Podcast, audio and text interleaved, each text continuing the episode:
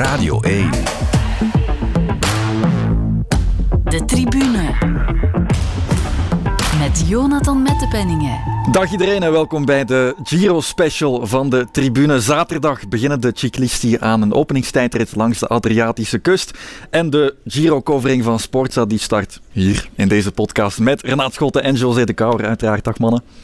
Goedendag. Jonathan. Renaat, jij ziet er heel gelukkig uit. Het wordt ook gezellig druk voor jou, want je trekt opnieuw naar de laars en je komt net terug uit Sheffield bij Luca Brissel. Uh, ja, een typische voorbereiding op de Ronde van Italië. Ik heb uh, het geluk gehad om Tour of the Alps ter plekke mee te maken. Volledig in functie van de Giro, eigenlijk hoofdzakelijk in functie van de Giro. En dan onverwacht kwam daar nu als tussendoortje WK Snoeker bij. Maar dat is eigenlijk ideaal, omdat nu trek ik met een uh, volledig leeg hoofd. Mm. Compleet ontspannen, decompressie na de wereldtitel van Brussel. Het was, het was ja, om maar te zeggen, het was een knetter rollercoaster. En een geweldige ervaring om dat ter plaatse te mogen meemaken. Ja, ben je vaak thuis geweest dan die laatste weken? Uh, Waarschijnlijk nee, nee, nee, nee, Ik moet uh, mijn vrouw heel veel bloemetjes toewerpen, figuurlijk. Um, en meer dan dat, om, uh, om mij dat allemaal te kunnen laten doen, ja. Snap ik. José, heb jij iets gevolgd van dat WK Snoeker? Alles. Ja? Maar van thuis uit. Ja, maar ook van wel? ja, ja. Niet, niet alles, maar wel veel. Wel Mhm. veel. Ja, vooral op het moment dat het echt begon te leven. Hè. Dus, Ja. Eh, ik kijk wel snoeker, ik zie dat voorbij gaan en ik denk, ja, Hij verrast mij nu. Ik wist zijn, eigenlijk niet dat zijn het, eh, vaak, ja. vaak dezelfde namen. Vaak dezelfde namen. Eh, en nu met Brussel, dat is natuurlijk geen nieuwe naam, dat is al lang dat we daarop zitten wachten. Mhm. En nu gebeurt het en dan denkt, allee, het zal toch niet waar zijn zeker? Allee, hopelijk wel natuurlijk. en dan denk ik zoals iedereen mee in, de, in het hele verhaal. Ja. Ja. En het is mooi geëindigd met die wereldtitel dus inderdaad. Renaat, je trekt opnieuw naar Italië om eh, content te verzorgen voor het dagelijkse Giro-magazine. En des te meer, dat hoeven we niet onder stoel of banken te steken, ook om hopelijk die eerste Giro-winst van Remco Evenepoel te coveren. Uh, ja, ja, maar ehm, ja, dat, daarmee ligt de lat natuurlijk meteen bijzonder hoog. Ja. Eh, ik denk dat we in eerste instantie gewoon moeten gaan om hem een goede Giro te zien rijden. Eh, zelf heeft hij de druk afgehouden met elke interview tot nu toe, maar we kunnen er niet omheen dat, dat, Nee, nee. dat het niet anders kan. Hè. Dat ehm, iedereen alleen maar denkt aan winnen gezien zijn huidige status, gezien de manier waarop hij presteert. Die testcase in Luik, Bastenaken, Luik was nog veel beter dan we eigenlijk hadden durven dromen. Mhm. Eh, als we zien wat hij vorig jaar deed in San Sebastian en wat hij dan nadien deed in de Vuelta. Het is echt wel copy-paste van, van zijn vorige campagne. En dus denk ik dat we niet anders kunnen dan uitgaan van het best mogelijke scenario. En dan hopen we vooral dat het een, een strijd wordt met... ehm, Ehm, ja, alles erop en eraan. Geen ongevallen, geen valpartij. Ook geen valpartij van de concurrentie. Want vorig jaar, we weten allemaal, dat uiteindelijk Roglic uit die, die Vuelta gekegeld werd door eh, een valpartij. Ehm, ik laat in het midden hoe dat dan uiteindelijk in zijn werk ging. Dat is, dat is ook iets speciaals. En dan werd er achteraf gezegd, ja... eh, Evenepoel wint de Vuelta, maar zonder Roglic eh, in eh, Madrid, dat is dan weer minder. En eh, ik wil dat ze dan nu alle twee staan op het einde van, Voilà. van die ronde van Italië. En dat we nu eindelijk gaan weten wie is nu de sterkste in een grote ronde over drie weken. Dat zou mooi zijn als het echt het duel wordt waarvan iedereen hoopt dat het er komt. Ehm, ik zou dat ehm, ja, eigenlijk f- de max vinden, omdat het, het het duel in de hele constellatie van hoe de, de wereldtop op dit moment functioneert alleen maar toegevoegde waarde is voor de koers. De tribune. Stel voor dat we meteen bij het parcours beginnen. Eh, de Giro start dit jaar gewoon nog eens in Italië. eh, en met een opvallend grilletje eerste week, vond ik ook. Om maar te zeggen dat Evenepoel en alle klassementsmannen ook meteen op de afspraak gaan moeten zijn. En toch altijd attent moeten blijven, zelfs in de eerste week. Eh, ja, zeker. Ja, te beginnen al met een relatief mooie tijdrit, met Mhm. een klimmetje naar het einde toe. Eh, ja, wat is daar de rol van Ghana? Eh, neemt Evenepoel onmiddellijk de trui. Wat gaan ze met die trui doen? Ja. Eh, dat, dat is voor mij eigenlijk de, de hamvraag. Mhm. Is dat klimmetje? Denk je dat het zwaar genoeg is voor nee, eh, nee, nee, nee, nee, nee, nee, dat is perfect allemaal. Maar als hij de trui heeft, Ja. als hij die trui heeft, moet men dan die trui afgeven op een bepaald, bewust afgeven? Mm. Of gaat men die trui bewust verdedigen? Ja. En hoe ver gaan ze daarin? Ja. Ze hebben een goede ploeg, een relatief goede ploeg vind ik. Een heel sterke ploeg in de breedte. Met echt mannen met body. Mhm. Dat wel. Ehm, maar, maar de hele, de hele hamvraag is, eh, wat gebeurt er onderweg? En komt er een situatie waarbij het geld gaat kosten om die trui te verdedigen. Ja. Ik bedoel daarmee heel veel, heel veel arbeid in die eerste week al. En ga je daarvoor je ploeg al inzetten. En dat wordt een, een gedurende drie weken een, een, eh, een verhaal van komen en gaan. Eh, wat gaat er gebeuren? Hoe gaan ze dat opvangen? Maar je kan dat niet op voorhand voorspellen. Je kan niet zeggen, ja we gaan de trui afgeven. Nee, je moet eerst weten aan wie. Eh, kan je de trui wel afgeven? Ja. Want eh, het zou niet de eerste keer zijn dat een, een slimme ploeg druk zet om de trui te blijven houden. Dat jij denkt, we gaan de trui afgeven aan die of gene ploeg, aan die ontsnapping, met die of die renner erbij. Dat, ploeg van Roglic bijvoorbeeld, zegt van, ah nee, we blijven hier binnen de zoveel minuten. Hey, jij blijft een trui houden en jij, jullie zullen blijven werken. En dat zijn van die dingen, dat weten we nu niet. Daar kunnen we over, over denken. Ik, ik denk daar soms over. Ik, word, ik kan niet zeggen dat ik er net van wakker word, maar het scheelt toch niet veel. Omdat ik daar ja, er zo naar uitkijk van wat gaat er nu allemaal gebeuren. Want kijk, Ja. in de Ronde van Vlaanderen, daar kan je een soort stramin opzetten. Nee, de Oude Quaremont, nu blijkt de Kruisberg daarbij te komen. In Milan Sanremo kan je de Poggio voorop stellen. En in het beste geval de Cipressa daar ook nog bij. Maar in deze ronde kan je oké, je kan Triceme de Lavaredo, je kan die laatste week, die laatste week, die laatste week, die laatste week. Dan gaat het allemaal gebeuren. Mhm. Het zou kunnen al gebeurd zijn. Ja. Dus en dat, dat maakt het nu mooi in een grote ronde. Je gaat er naartoe. En Remco heeft, heeft zijn examen al afgelegd in Spanje. Mhm. En toch is dit wederom een nieuw examen. Ja, ja. Hij gaat er je examens krijgen. Hè? Ja, nee, maar het is weer om een nieuw examen. Nu weer om een nieuw examen eh, kan die ploeg die boel controleren. Eh, hoe gaan ze dat doen? En wat is de tegenstand? Want ja, inderdaad, Roglic. En, en Vlasov. En nog een deel anderen. En de bezetting is sterker. En het is vroeg in het seizoen. Het zijn niet uitge, uitgerende paarden zoals vaak is op het einde van, de, van, van het jaar. Dus het is, het is weer om een nieuw gegeven. We- We weten dat hij drie weken kan koersen. Dat hebben we gezien. We weten dat hij op 2500 door kan koersen. Dat hebben we vorig jaar ook allemaal gezien op de Sierra Nevada. En toch is het weer volledig nieuw. Want zo'n Giro kan heel anders aanvoelen dan een Vuelta, inderdaad. Een tijdrit van 19,6 kilometer kan even een Poelganna daarin kloppen, Renaat. Tuurlijk, Mhm. zeker, zeker, zeker. Ehm, ik denk voor mij is hij zelfs favoriet met eh, de Evenepoel die we op dit moment hebben. Acht ik hem ja, tot betere tijdritten in staat dan, dan Ganna. Hij is Mhm. voor mij ook favoriet voor de komende wereldkampioenschappen tijdrijden. En het feit dat, dat de tijdrit op de eerste dag valt is een pluspunt voor Evenepoel. Ze komen beide met 0 eh, kilometer koers eh, aan de start. En, en dus ja, in de tweede tijdrit, nou, ik zou nog eens het parcours er goed moeten bijnemen, maar ehm, als er al veel ritten gebeurd zijn en Ganna weg is uit het klassement, dan kan hij zich een beetje sparen. En dan is dat een voordeel voor Ganna. Maar bij die eerste tijdrit starten ze met gelijke wapens, op gelijke voet. En is voor mij Evenepoel de grote favoriet om de eerste roze trui te veroveren. We hebben trouwens als Belgen goede herinneringen aan Ja. Pescara. 2001. ehm, ja, eh, Rick Daar heb ik altijd een, een beetje een, een, met statistieken en, Ja, en al ja, dat soort zaken. dat heb ik altijd, niet, hè? Nee, nee, want klopt inderdaad. hè, meewint of geen meewint en snelste tijd of geen snelste. Maar andere zaken. Ik bedoel, je komt aan ergens op een etappe en dan is daar, in dat jaar is toen dat gebeurd. En nu kom je terug op dezelfde plaats aan. Ja. Het is Ah, niet op dezelfde plaats, het is Nee, dezelfde streek. Ergens, ergens. Eh, ik bedoel, een berg op dan. Hè. Eh, Je komt aan na, na een andere etappe met een ander peloton, met andere dingen. En, en je ziet totaal andere, diezelfde klim. Die in het verleden tot de verbeelding sprak, spreekt nu nog tot de verbeelding. Maar geeft een totaal ander beeld. Omdat ja, je zit in een andere koerssituatie. Ik ben al bezig over Treceme de Lavaredo nu. Onder andere. Nee, maar we gaan gewoon, nee, in andere, ja. En inderdaad, hier het verhaal Ghana met die openingstijdrit en Remco, dat zou inderdaad best kunnen.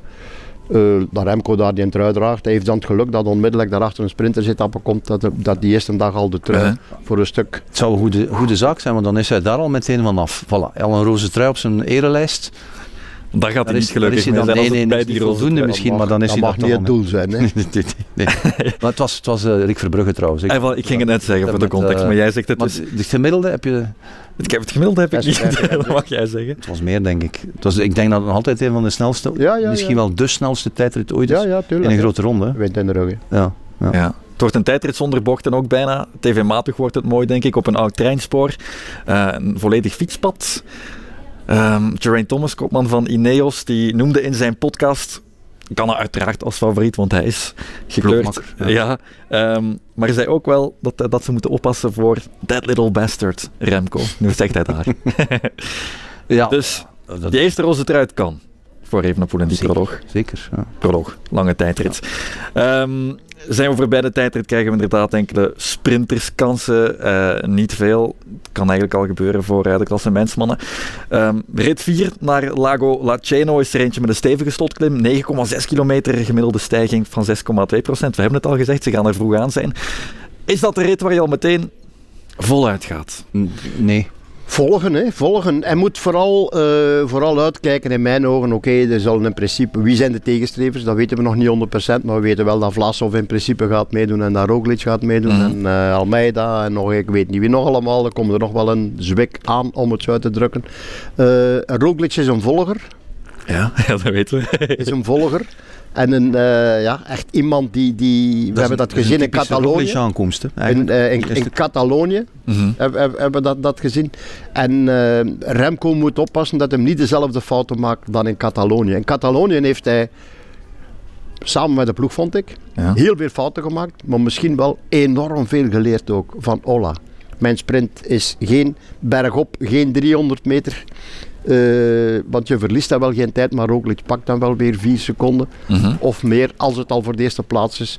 En dat zijn kleine dingen die hij nu toch wel zal geleerd hebben, denk ik. Dus ik eh, ga ervan uit dat hem dat wel zal eh, meenemen. Zo is Ik ben het. het niet eens met José. Over? Hij heeft geen fouten gemaakt in Catalonië. Uh-huh. Allee, Nee? Nee, hij heeft gewoon geprobeerd om met het parcours dat daar lag, die koers te winnen.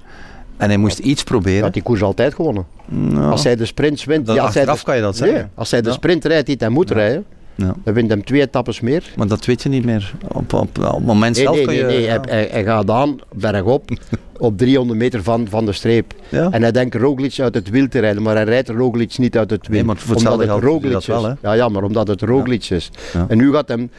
Daar was de bedoeling van gewoon, ik ga Boni pakken. hè. Ik ga die 10 seconden nemen. En die rit erbij.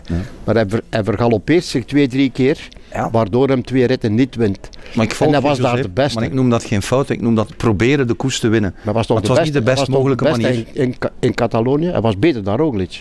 Ja, Daar. maar door, En hij verliest de koers. door de aard van het parcours. En Roglic kan op zijn sprint teren, wat je Dat zegt. kon hij ook.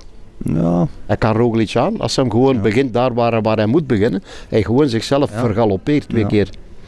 En dat gaat er nu niet meer bij zijn. ik prefereer om het positief te bekijken in plaats van fouten vergeefse pogingen te noemen. Dat is, een, dat is gewoon een andere insteek, maar voor de rest is het niet zo belangrijk, denk ik. En het is helemaal niet erg om een discussie het te punt is, ook. in Catalonië hebben we een geweldig duel gezien. En dat was Mhm. eigenlijk ehm, een fantastische prelude op wat we in de Giro nu misschien drie weken lang te zien zullen krijgen. En in die zin was Catalonië de perfecte ehm, antipasto om, om in de Giro dan een fantastische primi piatti en een, eh, een secondi te krijgen. En eh, met Italië is dat eigenlijk ideaal, want eh, je krijgt daar dan al die, die legendarische beklimmingen. Uh-huh. Ehm, het wordt een ronde van Italië om, om van te smullen. Dat is een ander verhaal. maar twee sprints rijden die kan winnen en die uiteindelijk verliest, dat mag je niet tegenkomen. Nee, maar goed, Evenepoel Roglic, dat is het duel waar iedereen naar uitkijkt. Laten we daar beginnen, maar wel bij het nieuws dat we gisteren kregen, want eh, Jumbo-Visma heeft twee namen uit zijn selectie moeten schrappen. Dat zijn die van Tobias Vos en van Robert Geesink. Het zijn toch twee grote namen, twee belangrijke namen in die trein en het team van Roglic, denk ik. Hoe groot is dat gemis? Ja, het, het bewijst in elk geval nog dat, dat corona niet weg is in het Voilà. peloton en dat dat nog altijd een, een factor is, eh, jammer genoeg. Ehm, als je de plannen last minute moet omgooien, dat is nooit ideaal. Mhm. Maar ik denk nu wel dat Jumbo-Visma de ploeg is die voldoende personeel heeft om dan alternatieven te verzinnen die, die even goed van dienst zullen kunnen zijn voor, voor Roglic. Ja, wel de alternatieven die kennen we ook. Het zijn Rowan Dennis en Jos van Emden Ja. die erbij komen. Dat is geen like-for-like vervanging. Nee, maar, maar ehm, ah, Van Emden ehm, kan in de vlakke ritten zijn ding Mhm. doen. Eh, Dennis kan eh, in de bergritten zijn ding doen. Dus het- ik zou het niet meteen een verzwakking durven noemen. Ja, bijna durven zeggen dat dat inderdaad zeker geen verzwakking is. En dat je met Dennis zelfs eh, Ja, een een man hebt die eigenlijk een goede Dennis, die wel eens zijn laatste jaar bezig is. Ja. Ik weet niet in hoeverre dat dat En in de het goede hoofdje Dennis gaat- hebben we toch. in het hoofdje gaat spelen, maar we hebben Dennis al, al hele sterke dingen zien doen. Mhm. Eh, in functie van een Giro-winnaar zelfs, Mhm. ooit. Dus dan denk ik dat Dennis eerder een versterking is zonder afbreuk te doen van Geesink. Oké. Dus goed, Jumbo in tegenstelling tot Catalonië ook zonder Kruiswijk. Dat is ook een belangrijke man die er nu niet bij is. Dat dat... Het team van Jumbo-Visma is niet hetzelfde als toen. Nou, vraag is een beetje, wie is uw laatste man? Uh-huh. Wie denk je? Ja, bij, bij Remco is het makkelijk natuurlijk. hè. In Mhm. principe is dat Ilan van Wilder. Ik weet niet wie ze bij Jumbo eigenlijk allemaal in de, als laatste man kunnen. Koes, Tratnik, Bouwman heb je ook nog. En dan Dennis. Het zal Koes zou waarschijnlijk Koes, wel ik zou denken aan Koes. Als Mhm. ik de- dat namenlijstje zie, dan ehm, ja. En ja, als Dennis ehm, doet wat hij in het verleden gedaan heeft bergop, kan hij ook bij momenten de laatste man zijn. Dus eh, het zal er een beetje van afhangen wat zijn, zijn staat van paraat is. Het is. Maar Bouwman is ook eh, een jongen die heel ver bergop kan komen. Hè. Dus ehm, ja, Tratnik eh, dan... Ja, dat is, een, dat is ook een hele sterke ploeg. Zeker, het zijn geen zwakke namen inderdaad. Nee, de vraag is alleen van wie gaat zijn ploeg moeten gebruiken en wanneer moet je je ploeg gebruiken. Er komt Uh-huh. zo altijd een momentum dat je, dat je ja, moet omkijken van wie heb ik hier allemaal nog en wat gebeurt er allemaal van voor met de koproep die weg is. En ja, we moeten nu iets doen. En kan je dan nog beschikken over die namen allemaal. Hè? Mhm. Dat is het, eh, zowel voor Soudal Quickstep als voor eh, Jum- Jum- Jumbo-Visma hetzelfde verhaal. Dus Ja.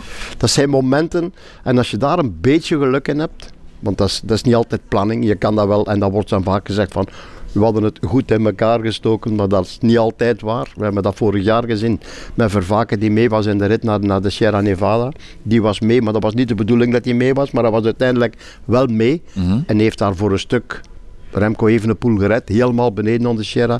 Dus ik bedoel, dat, kan, dat kunnen momenten zijn in een koers die, die ja, ja, benieuwd. En dat is juist het, het, het mooie, vind ik. Het mooie van, wat gaat er gebeuren? Het is geen, een Tour is veel gecontroleerder. Daar heb je de ploeg die en de ploeg die en die rijden in de stram. Maar hier kan het, ja, het kan een beetje alle, alle kanten uit.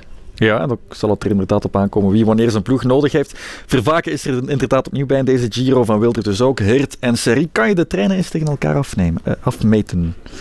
Jumbo-Visma en... eh Maar mijn gevoel is er sterkste sterkere ploeg Ineos Grenadiers. Ja, voilà, Dus die ja. komen er dan ook bij. Eh, en dan, dan zoals eh Soudal Quickstep gepresteerd heeft met die jongens die dan nu aanwezig zijn. Ja, ik durf bijna zeggen, ik heb het gevoel dat de ploeg rond Evenepoel sterker is dan die rond Roglic. Mhm. Want dat is een gevoel en de koers zal uitwijzen of dat ook zo is. Ja. ik, ik, ik heb het, het gevaar zit er een beetje in dat Ineos met de verschillende kopmannen zal kunnen, kunnen werken. hè. Ze hebben Hart, denk ik. Ze hebben daar eh, Thomas natuurlijk. Thomas. Eh, in hoeverre ze die, of ze gaan vertrekken met één kopman, één doel. Of ze gewoon gaan zeggen, ja, kopman, één kopman, één doel, daar kunnen we niet mee winnen. We moeten het spelen in, Ja. in, meerdere. En dan komt er een beetje de stresssituatie van wie neemt de handdoek op. De roze handdoek in dit geval van eh, wij gaan dat regelen. Eh, Jumbo, dat weet ik niet, want met Roglic hebben die al een redelijk eh, afwachtende kopman zitten. Mhm. Dus ik denk dat het dat eerder een beetje de strijd zal zijn. Soudal Quickstep tegen Ineos Grenadiers en, en Roglic er zo wat, zo wat, ja, maar ja, een beetje eigenlijk typische stijl, typische Zou stijl Roglic. beter de tijdrit eh, de openingsdag verliezen. Ganna in de roze Ja. trui. roze trui bij Ineos Grenadiers. Werk daar meteen leggen, ja. Dat is Het ideale situatie is, maar dat mogen we niet zeggen, want dan wordt Patrick Lefevre kwaad natuurlijk. Ghana neemt de trui, Mhm. op één seconde Evenepoel en Roglic voor de eerste minuut. dat zal het niet Of zijn. dat realistisch is, dat weet ik Dat ook zal het niet zijn. En dan moet Roglic gaan achtervolgen. En Ja. dat kan je volgen. Hè. Maar daar gaan we Dat, kan vanuit. je, dat kan je... Hè, dat kan je... Daar gaan we vanuit. Hè. Ja. Dat die, die tijdritten telkens een bonus opleveren voor Evenepoel, waardoor hij in de bergen en zeker als er in, eh, op het einde van, van een lopende call gesprint moet worden, wa- waardoor hij bonus zou hebben tegenover Roglic, waardoor Roglic de man is die uit zijn kot moet komen in tegenstelling tot Evenepoel in de ronde van Catalonië. Het de straffe rollen is, omdraaien. is dat we nu eh, bezig zijn over de Olympische kampioen tijdrijden. Ja, dat is waar. Ja, ja. Dat is wel fenomenaal eigenlijk. Hè. Absoluut, Hij met moet die drie- tijd aansmeren, zoveel mogelijk. Met drie uitgesproken kampioenen in tijdrijden eigenlijk. Ja, Mhm. fenomenaal. Is de ploeg van Soudal Quickstep sterker dan die van vorig jaar in de Vuelta? Ja, Ja, ja, ja. Die, ze nemen die ervaring van vorig jaar ook mee naar, naar dit project. En die jongens die, die zijn allemaal nog veel meer dan toen bij de start overtuigd dat het allemaal kan. Mhm. Dat zorgt al voor heel veel verschil in de hoofden. En die zijn ook allemaal plat voorbereid. Ik denk eh, dat die hele kern ook al die eh, hoogtedagen in de benen heeft, waardoor iedereen spik en span op het toppunt van zijn kunnen aan de start zal verschijnen. Ja. Ja. En Ilan van Wilder, je hebt hem al genoemd, dat is inderdaad de laatste compagnon geworden van Evenepoel. Hem wilde hij er ook absoluut bij. Dat is logisch. Ja.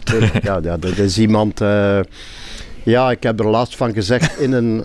Hij heeft je van antwoord gegeven. Dus, ja, maar dan, dat is mooi. Hè. Dat is een teken dat hij mee- meegekregen heeft. En ik bedoel, ik, ik doe dat opbouwend. Hè. Ik, ik heb al vaak gezegd, ik bekijk die gasten alsof dat mijn, mijn zoon is, zou zijn. En dan denk ik, die zijn carrière, om op het einde van zijn leven zoveel mogelijk geld te verdiend te hebben, dan zou die moeten dit of dat.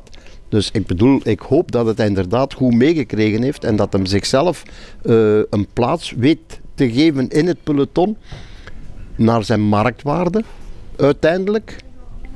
Mhm. En daar dan ook voor vergoed wordt. Ja. En dat hem dan wil knechten, dan moet, eh, dan moet hij zelf weten, dan moet hij zelf bepalen. Maar dat het een kerel van goudwaarde is binnen die ploeg. Volger. En dan ook nog eens, dan ook nog eens, stel er is een probleem. Het is gewoon, hij stapt van de ene fiets op de andere en hij is weg. Hè. Ja, Voilà. zeer Is, belangrijk. dat is een, Zeer je belangrijk. wil niet weten, Ja, maar dat ja. kan ooit, ooit, en dat zal ooit nog winst betekenen in een koers, hè, geloof mij. hè. Mhm. Stel dat ze bovenop op de redoute, waar geen auto aan het rent is, en hij heeft pech. Ja, dus gewoon klik, klik. Hij, stapt, hij klikt in en hij is weg. Hè. Ik bedoel, daar zit geen centimeter verschil op. Hè. Geen halve centimeter. Hè. Dus dat is wel, dat is fenomenaal, hè, zoiets. Dus eigenlijk de reservefiets van eh Evenepoel. Ja, die rijdt het altijd langs rijdt. dat is toch crazy? ja. ja. Maar Ilan van Wilder heeft dus aan Dat jou is met, met een reservefiets. Hier. Dat is met, ah, hier zit hij met een reservefiets. straf, maar jij moet je dus geen zorgen maken, heeft hij Ik, gezegd. nee, ik maak me, nee, nee, ik maak me er helemaal geen zorgen in. En ik, eh, ik zou mij zijn plaats ook geen zorgen maken. Hè, ja. hij, heeft het, eh, hij heeft het alles voor zich. Hij heeft alles voor zich. Ja. Hij gaat de man zijn. Hij gaat de man zijn die op een bepaald moment kan kiezen. Uh-huh. Remco kan niet meer kiezen. Die is kopman. Mhm. Maar ik Dat denk dat vast. als de rondecultuur zich verder opbouwt binnen de ploeg Lefevre, en daar kunnen we nu eigenlijk wel van uitgaan, dan komt er ook een moment waarop ze eh, een grote ronde een andere kopman gaan zoeken. En dan zie ik niet in waarom dat niet een Ilan van Wilder zou kunnen zijn. Zou inderdaad Hè, kunnen, ja. Dus Het enige probleem Ja. is, zou dat moeten zijn eerste ronde zijn dat jaar. Want als, dan, als het uw tweede ronde is, Ja, ja, ja. als we eerst al eens uitwringen in die koers en zeggen, ja, nu mogen we naar daar gaan. En het lukt dan niet, dan zeggen ze, ja, zie het wel dat je moet slecht blijven, blijven spelen. Ik bedoel, je moet het allemaal een beetje bekijken. Maar ja, hij heeft eh troefkaarten in handen.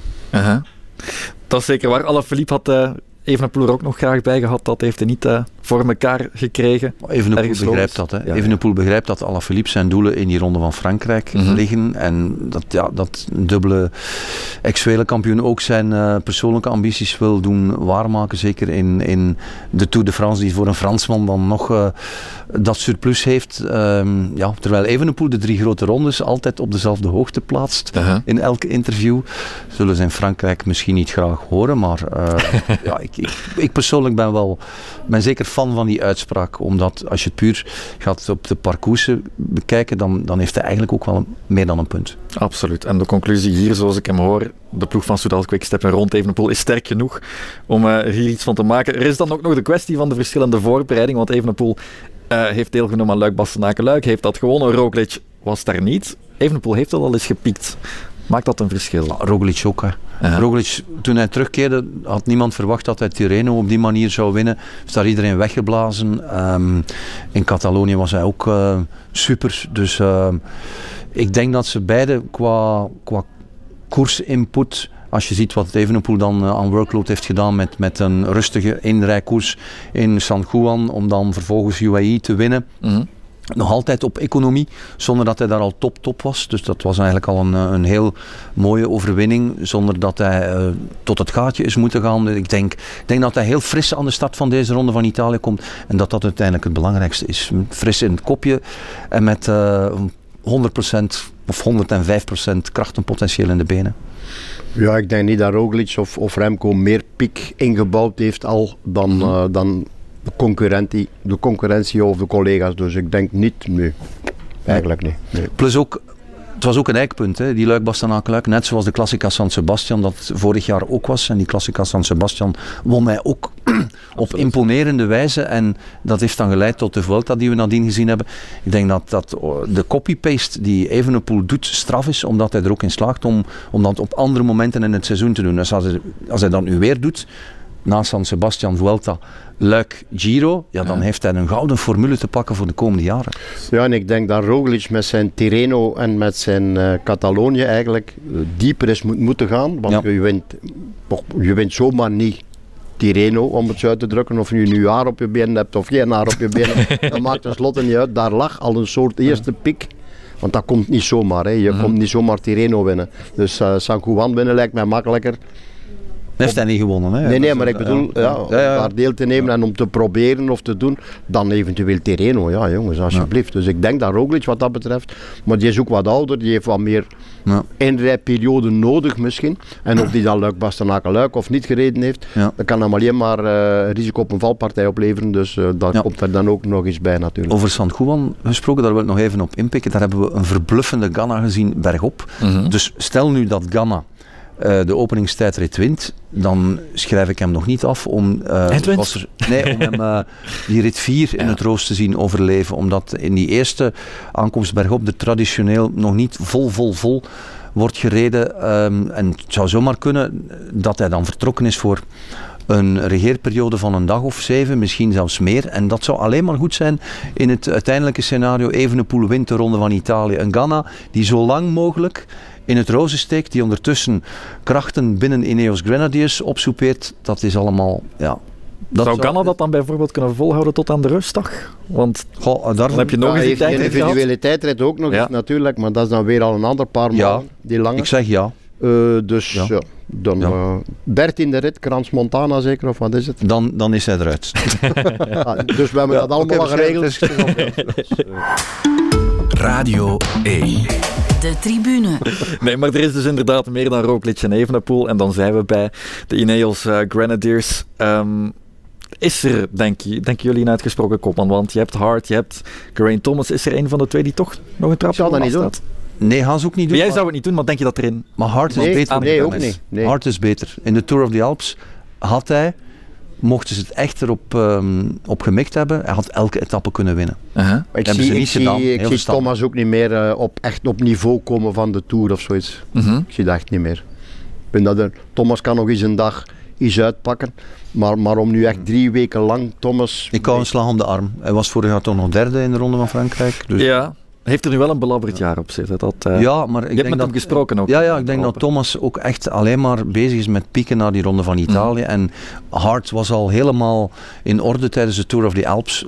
Ehm, Thomas had er nog wat werk voor de boeg, maar ik zie dat wel goed komen voor hem. En ik denk dat uiteindelijk de ervaring toch de doorslag zal geven. En op het einde, mijn gevoel, het is ook weer een gevoel, tuurlijk is het een gevoel, want ja, eh, op het einde van de Giro denk ik toch dat de hoogste rangschikte van de Ineos Grenadiers Thomas zal zijn, eerder dan Hart. Uh-huh. Het is natuurlijk een taaie klant. Hè? Ja. Een hele taaie klant. En met eh, ja, die leeftijd hoeft niet altijd een nadeel te zijn natuurlijk. Maar, maar ja, Remco heeft dan weer zoveel jeugd en zoveel explosie en zoveel eh, in zich. Dat het, eh, ja, dat een strijd gaat worden. Jong tegen eh, oud mogen, we niet zeggen. Ik toch zeker niet in dit geval. Maar eh, ja, kijken er naar uit. Maar je vond dus wel dat ze, om bijvoorbeeld een concurrentieel voordeel te staan, beter geen koopman kiezen. Ik zou geen kopman kiezen en ik zou de, de, het kopmanschap laten afhangen van een koerssituatie. Mhm. Want je kan, eh, je kan hier nu al iemand een beetje afremmen om, om niet mee te gaan in ontsnapping of om geen tijd te nemen. Om dan na 14 dagen tot de conclusie te komen dat je de verkeerde zet gedaan hebt, maar dat eigenlijk uw tweede man in dit geval beter is dan uw eerste man. Dat weet je natuurlijk niet, maar met, ze hebben geen Remco Evenepoel, ze hebben geen Roglic. Mhm. daar gaan we vanuit. Ik zou ze dan gelijke tred laten houden en kijken, want kan altijd letterlijk en figuurlijk iema- iemand wegvallen. En dan, dan kun je gewoon kijken. En ik denk dat dat een, eh, dat dat een geweldig voordeel is. Dat is een geweldig voordeel. Het is, het is ook nu ook niet zo. Mhm. Het is nu ook niet zo dat Hart, dat die, dat die eigenlijk niks is. Hè. Dat is geen jonge kerel die ze er moeten bijhalen. Die heeft al wel het een en het ander bewezen. Dus ik bedoel, die... die Krijgt ook rug nummer 1 binnen de ja, je kan Ja. die op gelijke voet zetten en, en op die manier eh, spelen. En dat maakt het voor controlerende ploegen moeilijk. Mhm. Juist heel moeilijk. En dat kost u geen energie. Stel zo iemand schuift mee in een tussenetappe. Ja. En dan begint de miserie. hè. Door de radiootjes. Jongens, eh Hart is wel mee. Of, of Thomas is mee. Ja, wat doen we ermee? Ja, maar wij hè. Eh, Jum- Jumbo-Visma. En die zeggen, ja, maar wij niet. En dan begint het, het gereken en het gepanikeer. En dat zorgt voor stresssituaties. Ongelooflijk. Dus eh, als je over uitgesproken kopmannen spreekt, dan spreek je over Remco Evenepoel en eh Roglic. Mhm. En, en dan zou ik eigenlijk met die mannen die ze hebben, oh, ideaal om, om, om, om echt de koers vervelend te maken. Zo. Exact. Echt om Ja. ze nerveus te maken. Voilà. José zou liefst in de volgauto zitten bij de Ineos Grand. Eh, nee, nee, ik zou, eh, nee, nee, dat ga ik niet zeggen. Ik zal dat wel van die ene auto in de andere stappen. dat zeggen ze toch van mij, dus ja, wat maakt het uit? Maar ze hebben inderdaad een hele sterke ploeg, eh Ineos. Ehm, Thomas zelf zei dat er geen nopheads in zaten, opnieuw in zijn podcast. Ehm, maar dus Gegenhard nog, Aresman, Sivakov ook, Laurens de Plus en Ganna. Dat zijn veel goede namen, bergop. de sterkste ploeg in de breedte, als je Mhm. mij vraagt. Zij kunnen eh, misschien, misschien allee, de kans dat ze de Giro niet winnen is reëel, Mhm. maar de kans dat zij bepalen wie hem eh, wel of niet gaat winnen is groot. Zoals aansluitend op wat José daarnet zei, zij kunnen ervoor zorgen dat het een casino wordt, zoals de Italianen dat zo graag omschrijven. En ehm, de, de Giro is per definitie de grote ronde geweest van de jongste jaren, ik zou zeggen ah, anderhalf decennium, waar er onverwachte scenario-wendingen zijn en in één etappe de hele boel op zijn kop wordt gezet. Ja, dat is ook de aantrekkingskracht van de Giro d'Italia. Uh-huh. En ook mooi voor Laurens de Plus, dus dat hij nog eens een grote ronde rijdt. Ja, ja, absoluut. Ja, ik kijk er naar uit om, eh, ja, om, om, om de evolutie te zien en om te kijken of hij inderdaad terug die renner is die we er eigenlijk altijd in, in gezien hebben. En die toerman die daar op, Alp- op eh Tourmalet was het eh, Mhm. fenomenaal voor, voor een dag kwam. Dus. Ik denk dat hij terug helemaal op niveau is. Dat bleek althans in de Tour of the Alps. En heeft zijn, hij kan, je kan bij een ploeg als die Ineos Grenadiers je selectie nooit stelen. Mhm. Dus hij verdient die plek dubbel en dik en hij zal op de afspraak zijn. Voilà, laten we daarop op hopen. Ehm, laten we naar UAE gaan, denk ik, met eh Joao Almeida, de oude eh, meesterknecht ook van Remco Evenepoel. Ook met een sterke ploeg, denk ik. Kovi, Formolo, Ulissi, McNulty ook. Er zit ook wel wat. Oh, een hele goede ploeg ook. Mhm. Hoe kan zo'n ploeg in de breedte? Nee, een, beetje, eh, een beetje hetzelfde verhaal in de zin van... eh, kan Almeida de Giro winnen? Ik zou zeggen nee. Eh, of dan kan je er onmiddellijk zeggen, en waarom niet? ja, Maar als er eh, incidenten gebeuren, kan het natuurlijk de Ja, Giro. het is een aanklamper. Het is een, eh, ook weer om die mannen. Die mannen die moeten niet gaan controleren. Hè. Nu wil ik niet alle werk in de schoenen van de Patrick de Vijver schuiven.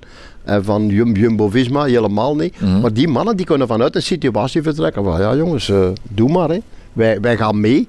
En, en Hij stond Mocht vorig ik- jaar vierde. mocht ik het voor het zeggen hebben, mocht ik het voor het zeggen, zeggen hebben, ik zou relatief veel ontsnappingen proberen laten wegrijden Ja.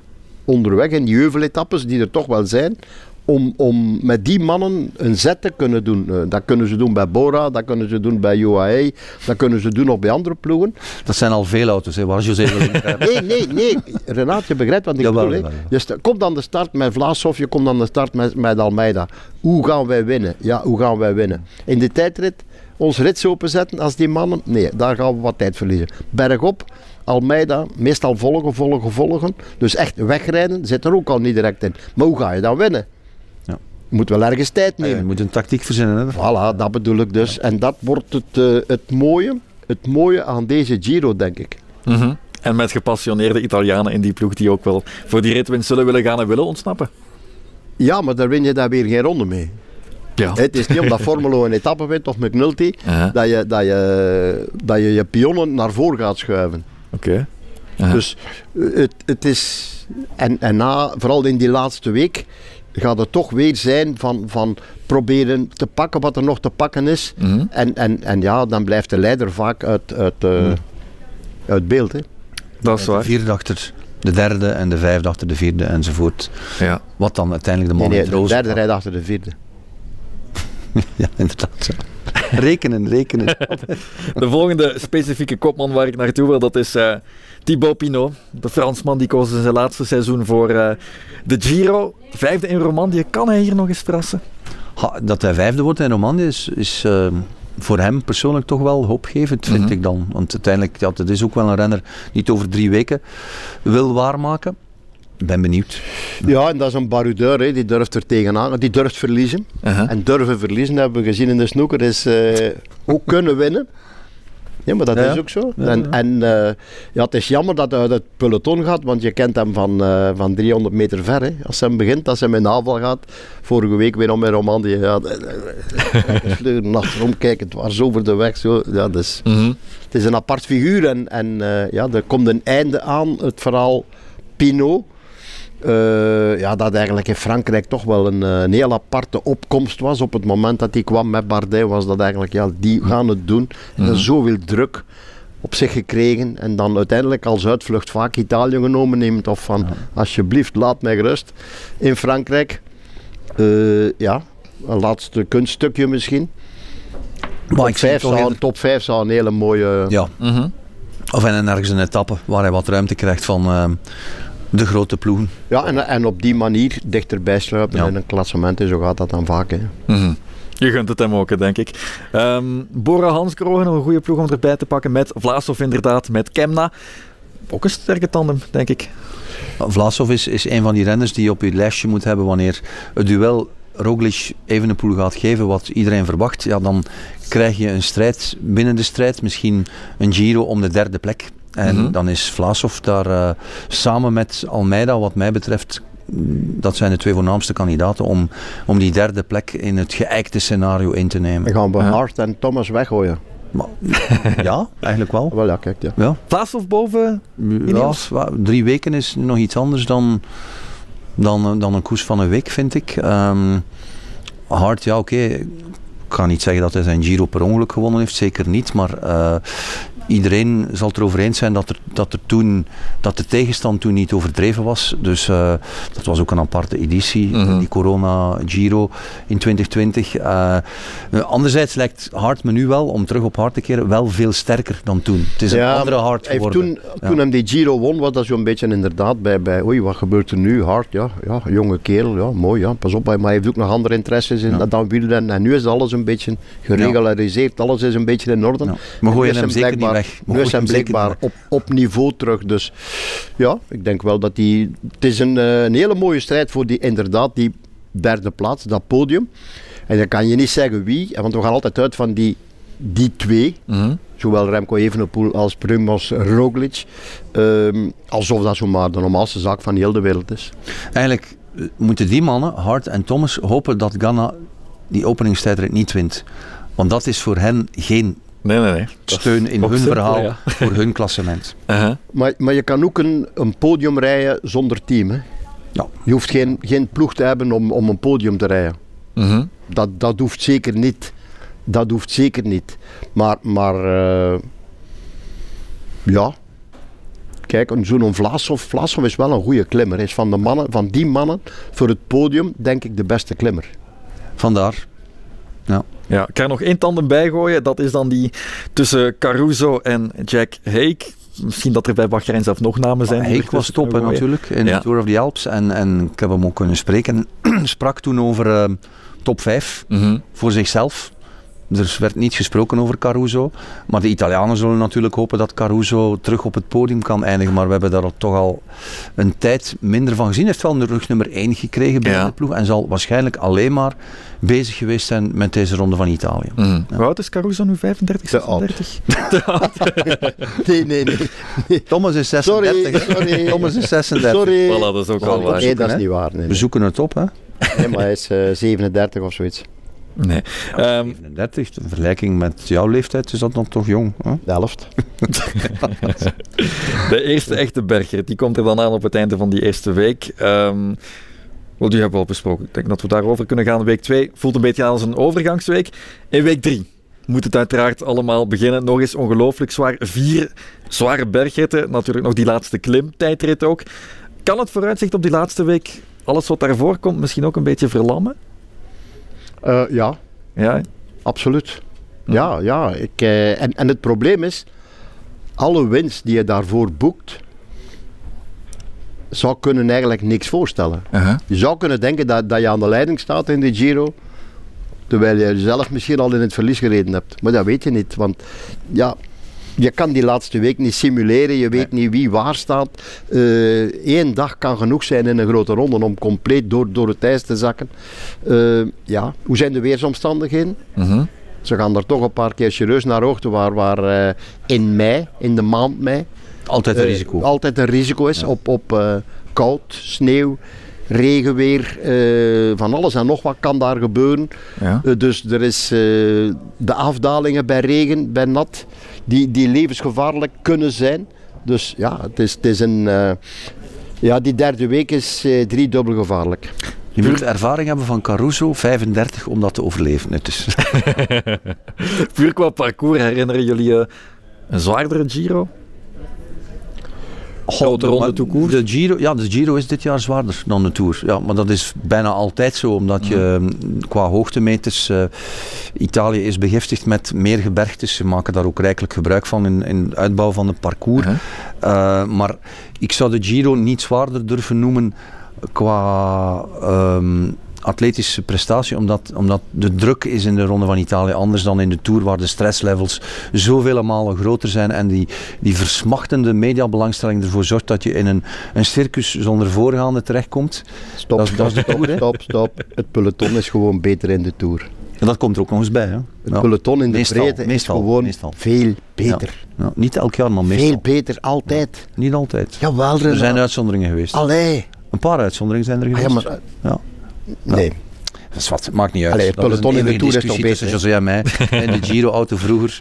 nee, nee de, nee, de Giro, de Tour is inderdaad, vooral qua, qua, qua stressgehalte, veel zwaarder. Moet je lekker echt niet te mhm. doen. Ja. En dat komt dan nog eens, ja, het feit dat daar inderdaad alle, alle ploegen een pieken naar de Tour. Alle klassementsploegen, ja. alle sprintersploegen, een beste renners. Ineos doet dat dit jaar niet. Hè. Zij zetten eigenlijk hun A-ploeg op in de Giro. Ze hebben geen kopman.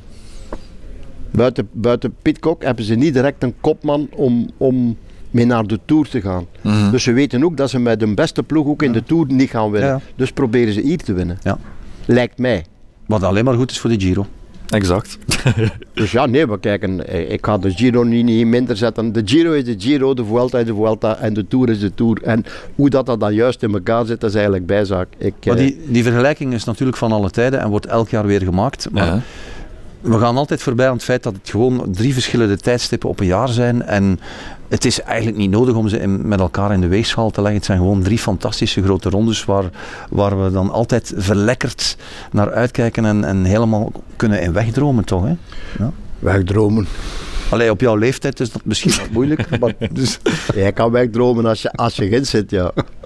Dat is waar, dat is iets om jaloers op te zijn. Sommige ja. wel weer naar Gent um, puur over die laatste week. Het zal heel spannend worden, want elke dag kan je weer heel nieuwe verschuivingen krijgen. Is het overdreven zwaar met die hoge bergtoppen? Want dat is ook iets wat Thomas dan zei in die podcast. We gaan heel vaak terug naar die podcast van Thomas, maar er zijn niet zoveel renners met een eigen podcast. Goh, ja, ik, ik, denk dat je als uh, renner daar inderdaad wel schrik van hebt, ja. Mhm. Ik denk dat je als renner schrik hebt dat je in een van die etappes uh, voorsprong neemt, dat je daar aan de leiding komt of een goed klassement hebt. Uh, en dan begin je aan die laatste week. En dan heb, ben je al 14 dagen weg, of al meer. En dan denk je, ja, wat, wat heb ik nu eigenlijk... Is, betekent dat iets of betekent dat niets? Mhm. En dat kan voor sommigen iets betekenen. En voor anderen kan dat gewoon niks betekenen. Het kan gewoon zijn dat, er, uh, dat het niks voorstelt. dat is waar. Pak even nog het, het Giro-parcours erbij. En dan de factor die vaak onderschat wordt in de Ronde van Italië. En dat is dat je de koers ook kan verliezen uh, naast de wedstrijd door de transfers. En uh-huh. Als je in trozen steekt en je moet um, nog een aantal transfers doen. Um, die lijken op het eerste zicht nog mee te vallen, maar Italië is zo'n lang uitgerokken land dat als je leider bent, de belasting om in de roze trui te zitten is vaak groter dan de belasting die je hebt uh, in de gele trui. Uh-huh. Omdat de transfers in de Giro vaak langer zijn, waardoor de leider dan na zijn verplichtingen, uh, de media, ja. dopingcontrole, uh, voor je het weet ben je een uur langer weg Mhm. of eh, een uur langer bezig na afloop van de etappe. En dat uur op het einde van een grote ronde kan op den duur heel veel verschil maken. En in Giro is dat vaker wel meer doorslaggevend dan in de Tour. Wat is de langste reis nu? Eh, ja, de langste reis is zonder twijfel die op de, op de laatste dag, maar die over het bruggen zijn met het vliegtuig. Eh, maar dat is een transfer van 800 kilometer over land. De, de renners gaan vliegen van Monte Lussari, van die waanzinnige eh, klimtijdrit om af te sluiten, naar Rome. Terwijl de hele karavaan, de, ja, het personeel, eh, alle logistiek, die zullen allemaal moeten rijden. En in, in twee fases, dat gaan wij ook doen.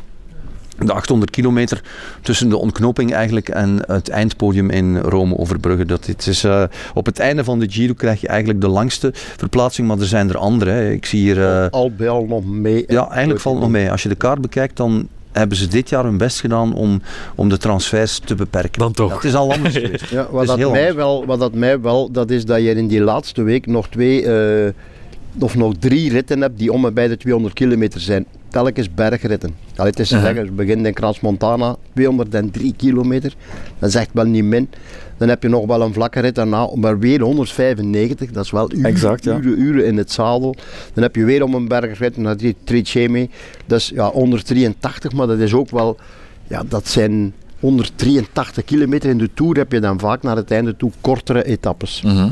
Gebundeld meer. En hier is echt, als je al slijtage hebt in die laatste week, dan telt het dubbel door. Dit is echt een... een Dus daar komt de sterkte van de ploeg dan pas eigenlijk echt van pas. In dat, dat, dat soort etappes ja, waar... en, en ja, de kopman moet natuurlijk Ja. ook wel blijven recht staan. Hè. Ja. Als, als, ja, je mag er nog met vier zitten, maar als de kopman ja, op een gegeven moment bezwijkt, Mhm. Denk door wel een of andere reden. Giro 2018, eh, de grote Finestre-etappe. eh Froome met zijn eh, onwaarschijnlijke solo. Mhm. En dan verliest eh, Dumoulin eigenlijk doordat hij in de achtervolging geïsoleerd zit. En, En bij met Reichenbach blijft in de... Ik heb Voilà. vorige week met Ja. hem nog, nog, een, eh, nog een gesprek gehad. Een lang Dumoulin. gesprek. Ja, met. Dumoulin. Ah, ja. Nee, nee, met Dumoulin, inderdaad. Ja, ik zou het Nog een lang straf gevonden gesprek hebben mocht die je met Reichenbach ik word- gesproken hebben. Ik ben ook altijd helemaal gek van mezelf. In de negatieve zin van hoe dat ik daar bij die Reichenbach op leven. Ik ben er gewoon drie minuten verloren. Ja. Drie minuten verloren, dat had nooit, nooit, nooit mogen gebeuren. Hij zegt, ik had misschien toch die Giro niet gewonnen. Hij zegt, dat zeg ik niet. Maar daar heb ik wel een verschrikkelijke fout gemaakt. Ja. En dan denk je, Dumoulin, een super intelligente kerel, die zich daar laat ringeloren in een berg af en denkt, wow, maar het is niet nodig. En, en Froome is bezig aan een waanzinnig eh, iets.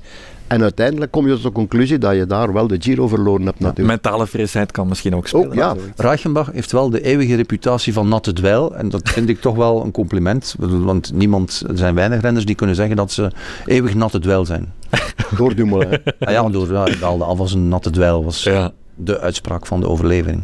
Dat is eh, een mooie bijnaam. Is er een van die vier bergritten ehm, die jullie het vaakst in het rood omcirkeld hebben, waar jullie het meest naar uitkijken? Van, van al die ritten, ja, voor mij was dat zonder twijfel Trecime de Lavaredo, ook Ja. door de geschiedenis met Merckx. Exact. Maar, maar dat is die dat ik net gezegd heb. Ja, ik dat, weet dat het, mag maar je dat telt. Dat Ja, Maar je denkt er toch een beetje aan. Hij was Ja, wel natuurlijk, natuurlijk. Maar je zit hier in een... Misschien blijkt, misschien blijkt, en dat is altijd het straffen van een grote ronde. Hij wist het niet, hè? Evenepoel wist het niet, hè? Maar het straffen van een heb hem grote ronde is, het straffen van een grote ronde is dat je niet weet welke etappe nu eigenlijk de zwaarste was, tot de koers verreden is. En dan kom je tot de conclusie van, ja, wat was nu eigenlijk mijn moeilijkste dag? Was dat die zwaarste rit? Nee, dat was niet de zwaarste rit. Dat was die rit. Ja. Want waar heb je de, de Vuelta gewonnen? Of waar heb je de Giro gewonnen? Of waar heb je de Giro verloren?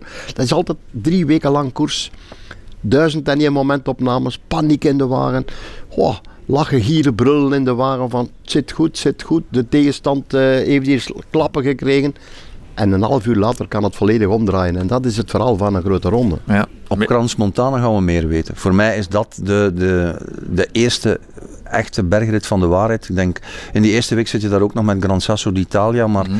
ook daar... Als je daar al tijd verliest, Ja, je mag dan- geen tijd verliezen, dat is een feit. daar al tijd Ja. verliest, dan heb je een probleem naar de volgende toe. Hè. Of je moet daar echt een, een reden om nemen om te zeggen van ja, maar dat is er gebeurd en dat is er gebeurd en daarom heb ik hier tijd verloren. Maar als je daar gewoon zonder pech tijd verliest, dan heb je echt een probleem. Hè. Vanaf Zwitserland gaat het om de knikkers. Voilà. Wat José daarnet zei. Eigenlijk de laatste week begint acht dagen of tien dagen voor, voor Rome. En dat is dan, daar zit dan alles in. Je moet zorgen dat je daar geen achterstand hebt. En in het ideale wereld een beetje voorsprong. Aha, Oké. Die klimtijdrit dan nog, want ook die is interessant. Het is enorm stijl, dat heb ik ook eh, horen zeggen. Ehm, Logistiek Voilà. krijgen we daar een heel vreemd spektakel. Hè? Ja. Dus de eerste renner start om Ja, ja, ja, ze gaan in drie Half- waves, denk ik. Ja. half, eh, half twaalf. Dus, Mhm. En de laatste renner start om half zeven. en ze kunnen de renners in pakketjes van 40, 50 naar boven laten rijden. Dan ligt de koers een uur stil. Mhm. Want iedereen moet terug naar beneden rijden. En dan herneemt de wedstrijd. Dat gaat ook een vreemd gebeuren zijn voor de regisseur van het gebeuren. Dat is dan een, Belg, collega van ons. De Mhm. man die alle sportzakkoersen in beeld brengt. Het is een Belgische regisseur die voor het eerste Giro in beeld gaat brengen. Ik vind dat dat ook wel eens mag, mag gezegd worden. Gunther Ergots. Met Belgische montaars en, eh, en cameramensen. Mhm. eh, in die samenwerking met EMG. Dus ik denk dat we qua beeldkwaliteit dat we verwend zullen worden. En ik verwacht de best in beeld genomen eh, Giro d'Italia van de Aller geschiedenis. Ja, ja, ja, helemaal. Ja. Laten we daar eh, inderdaad op hopen. Wat nu veel mensen verwachten, bij het, of niet, per se verwachten, maar wel aan zullen denken, is Primoz Roglic, die misschien in het roze zit op die laatste, op die tijdrit, en dan op dezelfde manier als in de Tour. Dat is een mogelijk scenario. En, Ja. en Evenepoel heeft al laten doorschemeren dat je in die laatste eh, tijdrit dat je daar ehm, heel veel tijd kan goedmaken. Mhm. Maar Eh, zal het een angst zijn voor Roglic nu om die...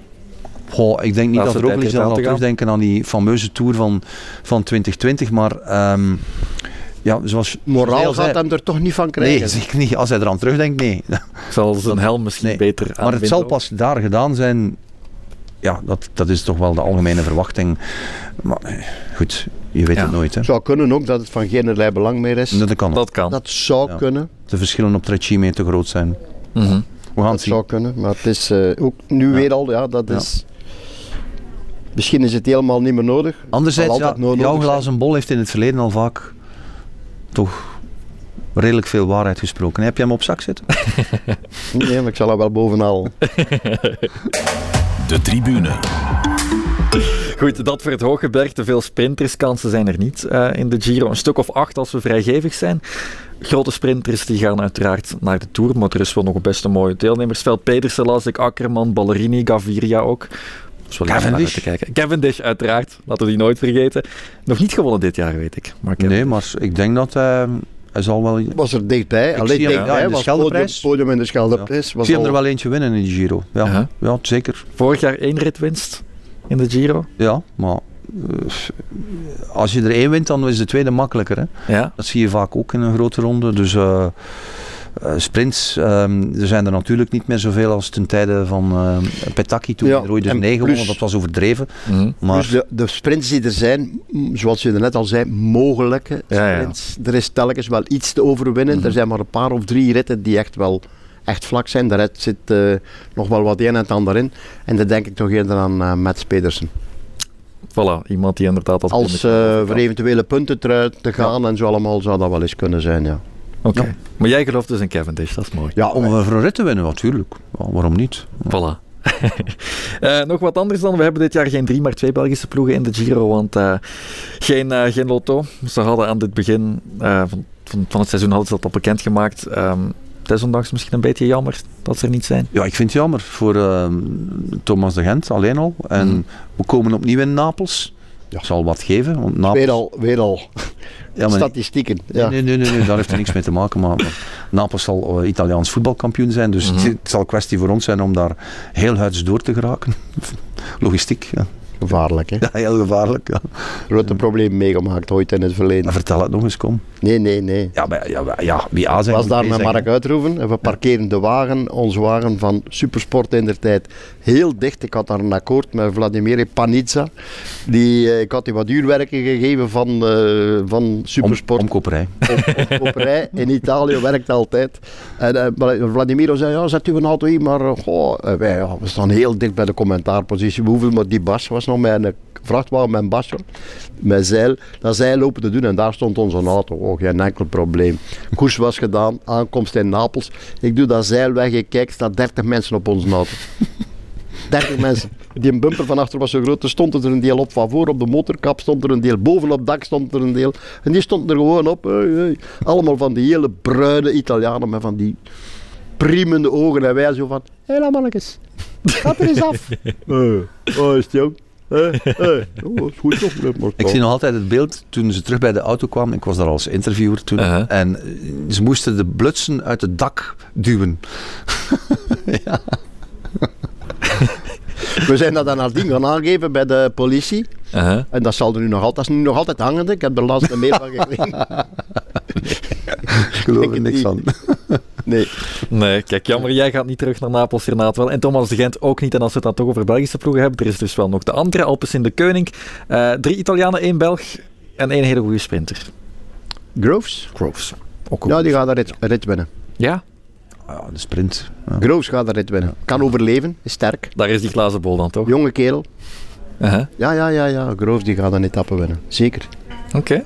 Dat is handig. En dan komen we bij het volgende. Er is natuurlijk ook weer een Sporza Giro Manager gelanceerd. Ehm, wie er thuis nog geen heeft aangemaakt, dit is dan de tip om dat toch zeker te doen. En de tip van Renate en José. Misschien hebben jullie er ondertussen eentje klaar. je- Mag ik eerst? Want, Jij ja, mag eerst, want je bent bang dat... eh, Nou, nee, ik denk van niet. Om Nee, eerlijk te zijn maar. denk ik dat hij een heel ander idee gaat ontwikkelen. Maar ik tip het, eh, het DSM-duo Leknesund van Hoeken. Voilà. Harm van Hoeken, die, die eigenlijk eh, Daar heeft hij een boontje voor, hè. Voor Arm van Nee. Hoeken heeft hij een boontje. compleet in de schaduw van het hele Evenepoel-verhaal hebben we nog een Mhm. Belg die eigenlijk in een beschermde rol aan de start komt van deze grote ronde. Dat is eigenlijk in de recente geschiedenis van een grote ronde ook redelijk onuitgegeven. Dat we eigenlijk nog een klassementsman hebben. En natuurlijk moet hij nog de doorbraak forceren op dat vlak. En heeft hij in het verleden nog nooit een, een klassement gereden in een grote ronde. Maar ik weet wel zeker dat hij ervoor gaat gaan. En in combinatie met die Leknesond is dat een zeer interessant duo. Ik ben benieuwd waar hun schip zal stranden. Voilà. En Van Hoeken die zich ook al heeft kunnen tonen in de Giro een paar jaar geleden, toch? Ja, hij heeft daar eens eh, op de Etna Ja. eh, gepresteerd. En hij had een rit over de Strade Bianche moeten winnen. Maar door pech is hem toen eh, dat geluk niet gegund geweest. Ja, Dat is waar. Wie is jouw puntenpakker, José? Eh, Jay Vine. Jay Vine, voilà. Nou, dat is geen dark horse meer. Het hoeft geen grote dark horse te zijn. Waarom Jay Vine? En de man die start met het laatste rugnummer. Ja. Oké. En die gaat binnen die ploeg Ja. van de Emiraten gaat hij zijn ding doen. Dat zou kunnen. Mhm. Zou kunnen klasse, ik ben benieuwd of hij een klassement kan rijden. Want ja, moet dat eigenlijk kunnen. Gezien zijn kwaliteiten die hij heeft. Maar moet nog leren koersen natuurlijk. Hè. Dat is het probleem een beetje. Mag hij? Als, als Almeida daar de lakens uitdeelt. Goh, maar ik, Ja. ik weet niet in hoeverre die, Die, die voor, tip is eigenlijk... eh, ik weet niet in hoeverre die voor Almeida gaat moeten werken. ja, dat klopt. ik bedoel, heb je wa- wa- gelijk. je gaat toch heel, Almeida moet gewoon eh, volgen. Ja. Die moet gewoon kijken, ja, waar rijdt die of die. Ik meegaan eh, met die mannen van Ineos eh, Grenadiers? eh, zou niet geen meegaan. team dat gaat controleren. Ja, ik bedoel, ik zou niet controleren. En ik denk ook niet dat ze, dat ze met die ploeg gaan controleren, Ja. eh, UAE. Ik denk dat ze vooral gaan proberen etappes winnen. En, en eh, daar hebben ze de, de juiste renners voor. en proberen die derde plek in de, uit de brand te slepen. Ja. Als, als, Als dat het- hoogst haalbare is. Als je na voor de andere 14 ploegen. dagen, zoals we er net al zeiden, als je na 14 dagen staat waar je denkt te staan, dan kan je gaan, gaan kijken van. Zit, er, zit in die derde week zit er dan inderdaad die, die plek in. Maar voor Mhm. hetzelfde geld is, is al een heel pak duidelijk geworden. Doordat ik denk dat de renners gaan, gaan meegaan in ontsnappingen om die derde week al, al eh, op denken van zichzelf. Ja, het zal misschien toch niet lukken in die derde week. Ik zal maar pro- proberen om mijn ding te doen in de eerste twee weken. En laten we vooral hopen dat er niemand van de favorieten valt. Maar ja, in een grote ronde we weten allemaal hoe snel het gebeurd is. De Dus vingers zijn gekruist. ja, ja ik, ik, wil, ik, allee, ik hoop echt dat alle kanonnen die aan de start komen van deze Giro, dat die meedoen tot en met Rome. En dan in de schaduw van het Colosseum ultieme, Absoluut. ultieme Slotvraag. veldslag kunnen leven. Ja, slotvraag. Kan Remco Evenepoel Primoz Roglic verslaan over drie weken? Dat, dat weten we al. Hè. Vorig jaar heeft hij dat gekund. Eh, Los van die varpartij denk ik dat hij ook had kunnen winnen in de Vuelta. Dat hij ook gewonnen had. Simpel. Eh, ja. Ja, voor mij, voor mij start Evenepoel als favoriet nummer 1. Voilà. Ik denk het wel, ja. ja Remco is een jaar ouder en eh Primoz is ook een jaar ouder. maar, Statistieken van José. nee, nee, maar, je moet eerlijk zijn, Ja. En zijn jaar dichter bepaald- bij zijn afscheid. op een eh, alle twee. Maar op een bepaald moment is hij een jaar ouder en het verhaal van Remco toch wel, denk ik, positiever dan Ja. het verhaal van... eh, Dat denk ik ook. Verschillende fases in de carrière. En dan zijn we terug bij Caruso. 35. Zijn we. 35, goed. Evenepoel kan de Giro winnen, ik heb het eh, gehoord. Renat en José, merci. Renat, veel plezier in Italië. En aan u tot de volgende keer.